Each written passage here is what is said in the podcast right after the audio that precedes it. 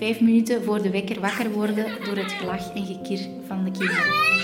Dat zijn zo kleine momenten, ja, ik hoor je ook spontaan glimlachen. Kleine momenten waarin dat je even glimlacht. Dat geeft mij ook die momentjes van even afstand te nemen en even bij mezelf te zijn. Dit is Veerkracht bij Gezinnen, een reeks van Gezinsbond podcast. We stelden een aantal ouders de vraag: wat betekent veerkracht voor jou? En gingen luisteren naar hun verhaal. Ik ben Marijke, medewerker gezinsondersteuning bij Gezinsbond. We zijn er eindelijk geraakt, het is gelukt. En ik ben Nadine. We zien wel hoe het loopt. Vandaag rijden we naar de Stille Kempen. We komen aan bij een bungalow in een bosrijke omgeving. Tussen de paddenstoelen wandelen we naar de voordeur. Annelies doet de deur open en kijkt ons aan met een open blik en een grote glimlach. We voelen ons onmiddellijk welkom. Ja, kom binnen. We spraken met Annelies over kleine gelukjes, kwetsbaarheid en kinderen leren omgaan met falen. Een cappuccino, een latte. We hebben alles, hè? Een latte. Een latte, ja, fantastisch. We nemen met onze lattes plaats in de coachruimte die Annelies in haar huis heeft. Oké. Ik ben Annelies. Uh, ik ben mama van twee kinderen. Wout uh, tien jaar en Jasmin vier jaar. Ik heb ook een man, uh, Dieter. Annelies en Dieter leerden elkaar kennen tijdens hun stages. Hij als arts en zij als vroedvrouw. Ze werden verliefd in de verloskamer, terwijl er nieuw leven ontstond. Een symbolisch begin van hun relatie. Ja, dat was wel een leuke ontmoeting. Uh, ik had bijna gedaan met mijn stages en mijn man moest nog een aantal stages doen. En we hebben elkaar echt op een nippertje ontmoet. En ik kwam uit de regio Kempen en mijn man komt uit de regio Meissen. Dus vandaar dat het wel een toevalligheid was dat we elkaar zo net, net op laatste hebben ontmoet. Werd die kinderwens bij jullie, werd dat ook vrij snel duidelijk? Ja, dat was iets dat op de achtergrond was, maar ik wou wel heel graag kinderen. Uh, liefst vier, maar uh, ja, tijdens onze rit van onze kinderen krijgen is mijn aantal wel wat geminderd. Maar uh, mijn partner is ook iemand heel, heel warm en een hele fijne papa. Dat zag ik al van in het begin. Maar we hebben eerst gestudeerd en dan uh, ons gesetteld. En dat heeft toch wel een aantal jaar geduurd. En ja, hoe voelde het toen dat je ontdekte dat je zwanger was? Ja, wel heel fijn. Want uh, ik had al langer een kinderwens eigenlijk als hij. En mijn biologische klok begon te tikken. En als hij dan aangaf van ik wil dat ook... Uh, was dat heel fijn. En op het moment dat ik ontdekte dat ik zwanger was, ja, was al, ja, mijn oudste zoon is tien, dus dat was al tien jaar geleden, ja, was dat heel fijn, ook wel heel spannend. Ja, we gaan een nieuw avontuur aangaan samen. Van waar beginnen we aan? Had je daar bepaalde verwachtingen rond? Of? Ik wist eigenlijk niet goed wat ik moest verwachten. Ik wist ook niet hoe dat ik in die rol van mama ging zijn. Als je dan je baby in handen hebt en het begint met opvoeden, uh, een beetje later, hè, twee, drie jaar later, dan pas hebben zo het gevoel van, ah ja, oké, dat waren mijn verwachtingen. En ja, hoe kunnen we die verwachtingen nu bijstellen? In de zin van het, de rol als mama uh, zijnde, dat dat toch wel een hele, ja, hele opgave is. Dat dat toch wel je leven wel een stuk bepaalt in het begin. En dat ik dacht van, ja, ik ga die combinatie goed kunnen maken tussen werken en mama en dan partner zijn. Maar dat je toch wel heel veel overgave moet hebben om, ja, ik had ook huilbaby's om ja, daar elke keer te staan. Na de geboorte van haar eerste zoon startte er een moeilijke periode voor Annelies. Ik heb ook een burn-out slash depressie gehad tussen dat Wout geboren is, hè, van zijn 1 tot zijn 3 jaar. Het zorgdragen voor een huilbaby vormt een hele uitdaging. Laat staan alle ballen in de lucht houden als pas beginnend ouderkoppel. Hoe kan je je kind het gevoel geven er voldoende te zijn als je je op dat moment niet goed in je vel voelt? Ik denk dat er gewoon in ons gezin zoveel onderwerpen lagen of waren die onder tafel zijn gestopt. Waar ik als hoogsensitieve heel wat voelde, maar het niet kon plaatsen. En eigenlijk een soort van overlevingsstrategieën heb ontwikkeld om daarmee om te gaan. Maar als ik moeder werd en er kwam veel meer bij, hielpen die overlevingsstrategieën niet meer. En kon ik daar niet meer op terugvallen. Dat was een bom die barstte op dat moment. Overlevingsstrategieën die minder helpend zijn, kunnen bijvoorbeeld gaan van vluchten in je werk, niet stilstaan bij wat je voelt, conflicten vermijden of het juist heel perfect willen doen. En dan met mijn dochter. Uh, we hebben heel lang gewacht, dus er zit zes jaar tussen. Uh, juist om die reden, omdat we echt wel het samen niet zo makkelijk hebben gehad. En dachten van, ja, gaan we dit avontuur nu nog eens aangaan? Ja, na heel lang wikken en wegen hebben we dat dan toch aangegaan. Maar om een duur wisten we wel, um, als man en vrouw, hoe dat we daar een stukje mee moesten omgaan. En hadden we ook de hulpbronnen voor onszelf om ons daardoor te slepen. Dus dat maakt dat bij mijn dochter het wel veel gemakkelijker ging. Dat uh, heeft onze focus ook heel erg doen veranderen. Naar dat wenen, huilen, naar nieuwsgierigheid. Wie is zij dan? Welk karakter heeft zij? Hierdoor gingen Annelies en Dieter ook anders naar hun zoon kijken. Annelies vindt het belangrijk om stil te staan bij zichzelf. Door dit voorbeeld te geven, hoopt ze dat haar kinderen ook meer zelfbewust en veerkrachtiger door het leven zullen gaan. Haar zoon houdt daar ook regelmatig een spiegel voor. Als ouder kan je zoveel leren van je kinderen. Totdat je, totdat je eigenlijk ja, met jezelf ook een stukje geconfronteerd wordt. En dat stukje met jezelf geconfronteerd worden, dat had ik soms de neiging om dat weg te duwen.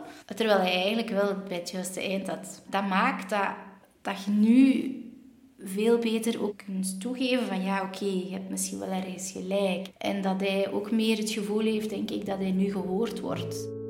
Annelies merkte dat hun zoon wel eens anders reageerde of anders dacht dan anderen. Ja, omdat het als eerste kind was, hebben we daar zelf ook een hele zoektocht in gedaan, omdat we zo niet goed wisten van ja, wat en hoe. Het eerste leerjaar zei de juf ook tegen ons, maar ja, hij haalt het maximum op het maximum. En toen begon bij mij zo'n beetje een frank te vallen. Dat kan toch niet dat je altijd het maximum, het maximum van moet halen, want hoe leert hem dan? En in het tweede jaar kwam dat terug, dat hem heel snel alles afhaalt. Ehm, en bovendien kwam hij naar huis en zei ja, en geef mij sommen, ik wil sommen, ik wil uh, dat leren. En dan was er één foutje bij. En hij zei, nee, dat kan niet, je moet me terug opnieuw sommen geven. Dus dat falingsgevoel van, ik moet hier alles juist hebben. Zo al die elementen samen uh, gaven ons dan een beeld van, misschien moeten we daar toch wel iets mee doen. Annelies en haar man besloten om Wout te laten onderzoeken. Maar geen onderzoek van, je bent hoogbegaafd, een etiketje, maar wel van, hoe leert hij? Dan hebben we echt zowel voor onszelf de bevestiging gehad van oké, we hebben niet het etiket van hoogbegaafdheid, maar we zitten wel in de richting van hoogbegaafdheid. En we moeten op een andere manier naar zijn zijn ook beginnen kijken. En dat vraagt toch ook wel andere manieren om om te gaan hè, als ouder. Dus, maar ik heb daar zelf ook wel wat in moeten sturen als ouder. Om dat echt, ja, dat onderzoek ook een stukje ja, te laten plaatsvinden. En te kijken van ja, het is niet normaal dat hij altijd het maximum haalt en nu daarbij neer te leggen. Omdat ik de indruk had van ze horen hem en zien hem niet volledig. Op school proberen ze Wout nu extra uitdaging te geven. En thuis proberen Annelies en Dieter om Wout ook te leren met gevoelens van falen om te gaan. Dus die extra uitdaging blijven zoeken is heel belangrijk. Uh, ik weet, uh, tijdens de corona was schaakwedstrijden en waren de schaakwedstrijden online. En uh, hij had nog niet zoveel schaakwedstrijden gedaan. Um, en dat waren soms ook ja, schakers die veel beter waren dan hij. Dus hij moest eigenlijk omgaan met het feit van oei, ik ben hier eigenlijk wel niet de beste, ik ben zelfs de middelmatige. Of hij zag dan die ranking naar beneden gaan, ik ga hier naar beneden.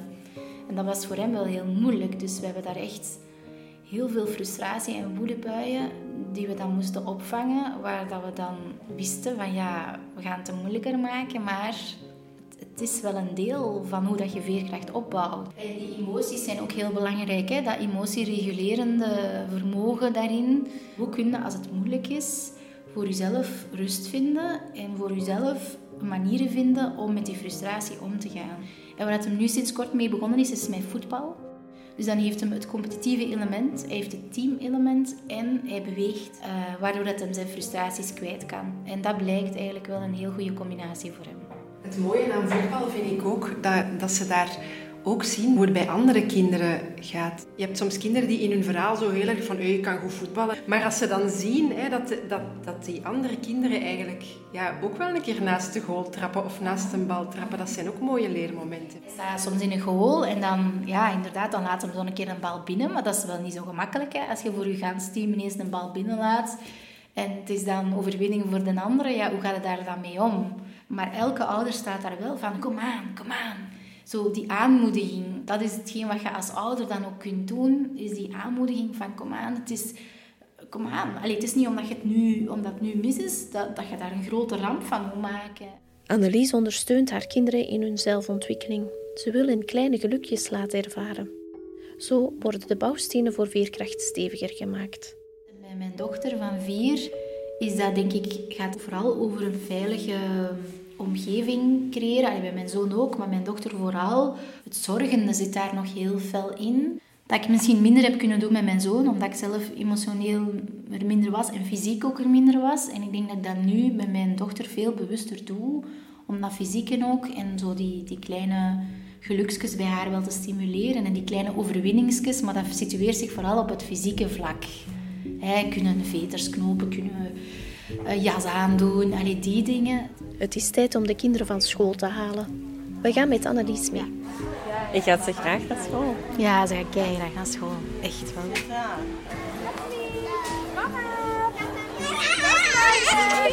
Oh. Is het?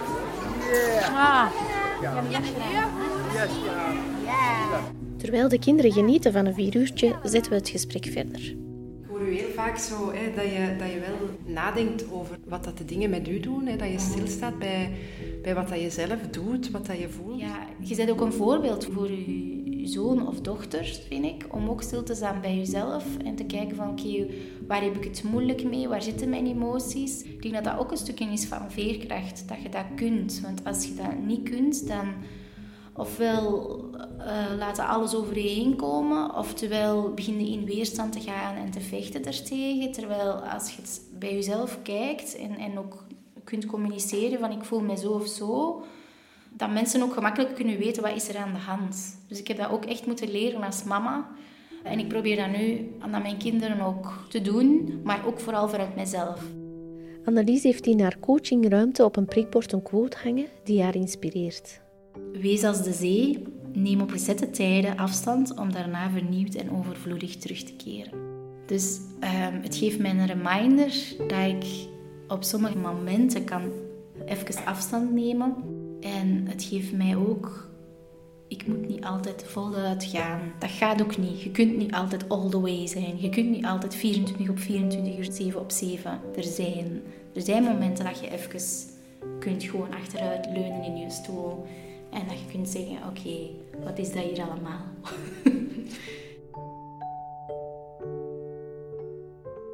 Je zegt van, als het ging over de pittige periode met de huilbaby's en zo, dat je dan als koppel wel een aantal hulpbronnen vond. Kan je zo even concreet maken wat die hulpbronnen juist zijn? De eerste bron als koppel was gewoon om samen daarover te praten en samen ja, even bij elkaar te luchten van, oh, het was toch echt wel moeilijk. En soms was dat echt wel van, oh, we hebben wel een moeilijk kind. Allee, zo, zo dat kunnen uitspreken naar elkaar toe was wel een opluchting. En dan de tweede hulpbron was voor onszelf om regelmatig babysits ook in te lassen. Dat we uh, met z'n tweeën ook even uit de situatie konden. Ja, vrienden waren ook wel onze hulpbronnen. Dus daar we, zijn we ook wel terecht gekunnen. En ik heb vriendinnen ook de laatste jaren ontdekt die echt, echt begrijpen hoe dat het is om daar te zitten met een huilbaby.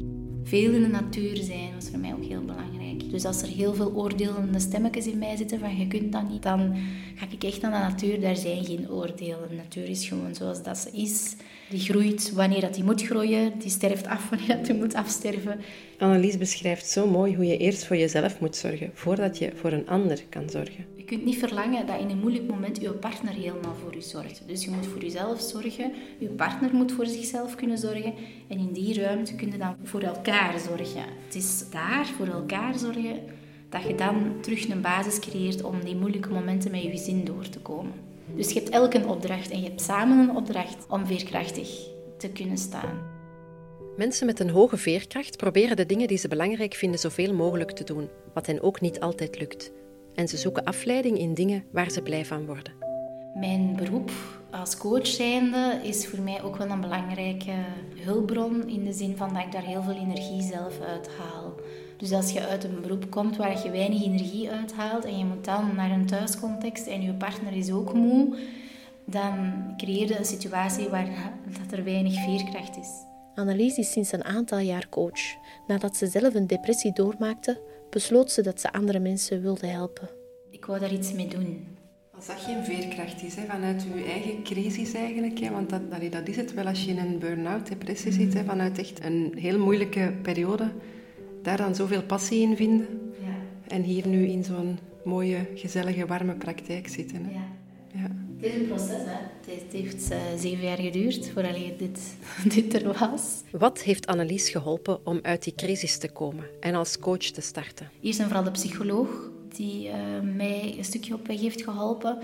Maar ik denk, ook bij mijn zoon zit dat, mijn leergierigheid en mijn nieuwsgierigheid om dingen te ontdekken, om dingen over mezelf te weten te komen. daardoor heb ik zelf opleiding heel veel gevolgd. Uh, en die opleiders hebben mij ook heel wat steun gegeven. Dus als je iets wilt laten groeien uit een crisis, dan is belangrijk dat dat voldoende warmte krijgt, voldoende liefde krijgt. Net zoals dat je als je een kind uit een nest wilt laten groeien, heeft dat genoeg warmte, liefde nodig, kwetsbaarheid, het er mogen zijn. Dat zijn allemaal elementen die bij mij heel belangrijk zijn, die ik mijn kinderen ook probeer toe te passen. Vanuit mijn eigen kwetsbaarheid. Op tafel ligt het boekje Klein gelukske, geluk zit in een klein boekje. Soms lees ik dat wel een keer in het toilet, is al wat verkreukeld. Die kleine gelukjes, zijn die in, in jullie dagelijks leven ook belangrijk? Ja, dat is de reden waarom ik Ja, het was een zeer lekker warm klein Ik begin mijn dag echt met een tas koffie en dat moet dan zo in laagjes. Dat is voor mij een klein geluksje. Ja, er zijn zo nog een aantal momenten. Mezelf mooi maken, een mooie ring aan doen, een mooi oorbel is voor mij ook een klein geluksje groen zien, planten zien, met mijn konijnen bezig zijn, die even aaien. Ik bouw echt kleine gelukjes in. Als ik dan een moeilijk moment heb, kan ik direct een klein gelukje inschakelen. niet dat dat altijd zo werkt, maar het is de intentie dat je vanuit kleine gelukjes je dag doorbrengt, van moment tot moment. En we zullen wel zien. Ik zie mijn dochter regelmatig zoals morgens opstaan en rondspringen en het gevoel hebben van de dag kan beginnen. Dat is dan voor haar een klein geluksje, maar dat is niet mijn klein geluksje, want ik ben geen ochtendmens. dus ja, dus ik probeer door zelf ja, dat te doen. Uh, en dat als zij zich gelukkig voelen op een bepaald moment, dat ook benoemen. Van, ah, je, je bent daar blij voor en waarom en wat maakt dat je daar dan zo blij van bent. Zo van, ah ja, voelde het dat je daar even zo een sprongetje maakt intern. Zo. En bijvoorbeeld mijn zoon na een voetbalmatch zei hem aan tafel... mama, nu waren we echt een goed team. Ik zeg, hoezo waren we een goed team? En ik hoorde en ik voelde van, oké, dat was voor hem een klein geluksje. En hij zei, ja, we waren goed ingespeeld, want ik speelde die een bal naar die jongen en dan die jongen en die jongen. En dan ineens was de goal. Dus voor hem was dat dan een moment van, oké, ik ben gelukkig daarmee.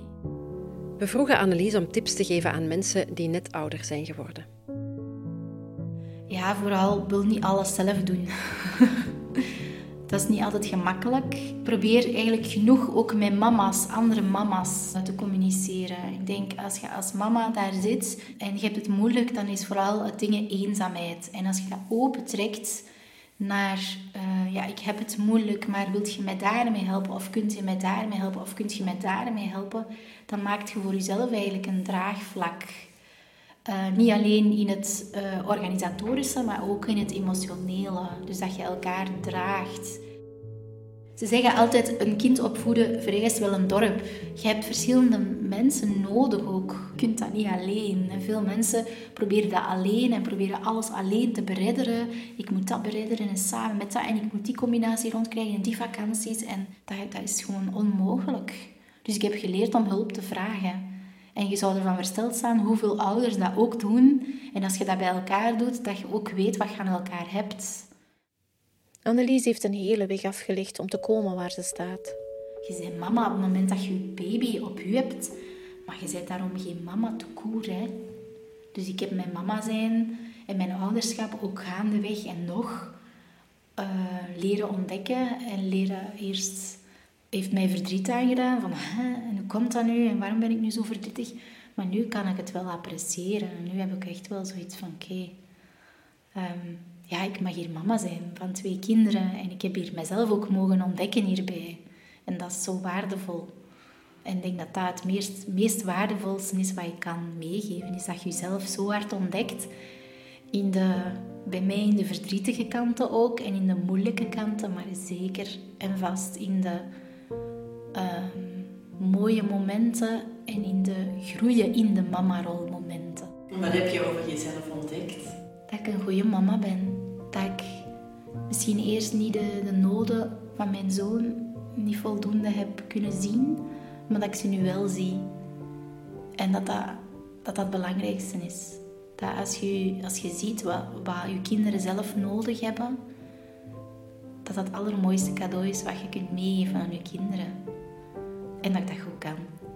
En uh, dat ik daarin voor mezelf heel goed moet zorgen. Want dat dat een mooi talent is. En ik heb ontdekt over het mamaschap. dat ik ook mijn eigen kwetsbaarheid daarin mag tonen. En denk dat ik dat goed kan vertellen. Mijn eigen kwetsbaarheid. Uh, maar er dan toch krachtig in kunnen staan als mama.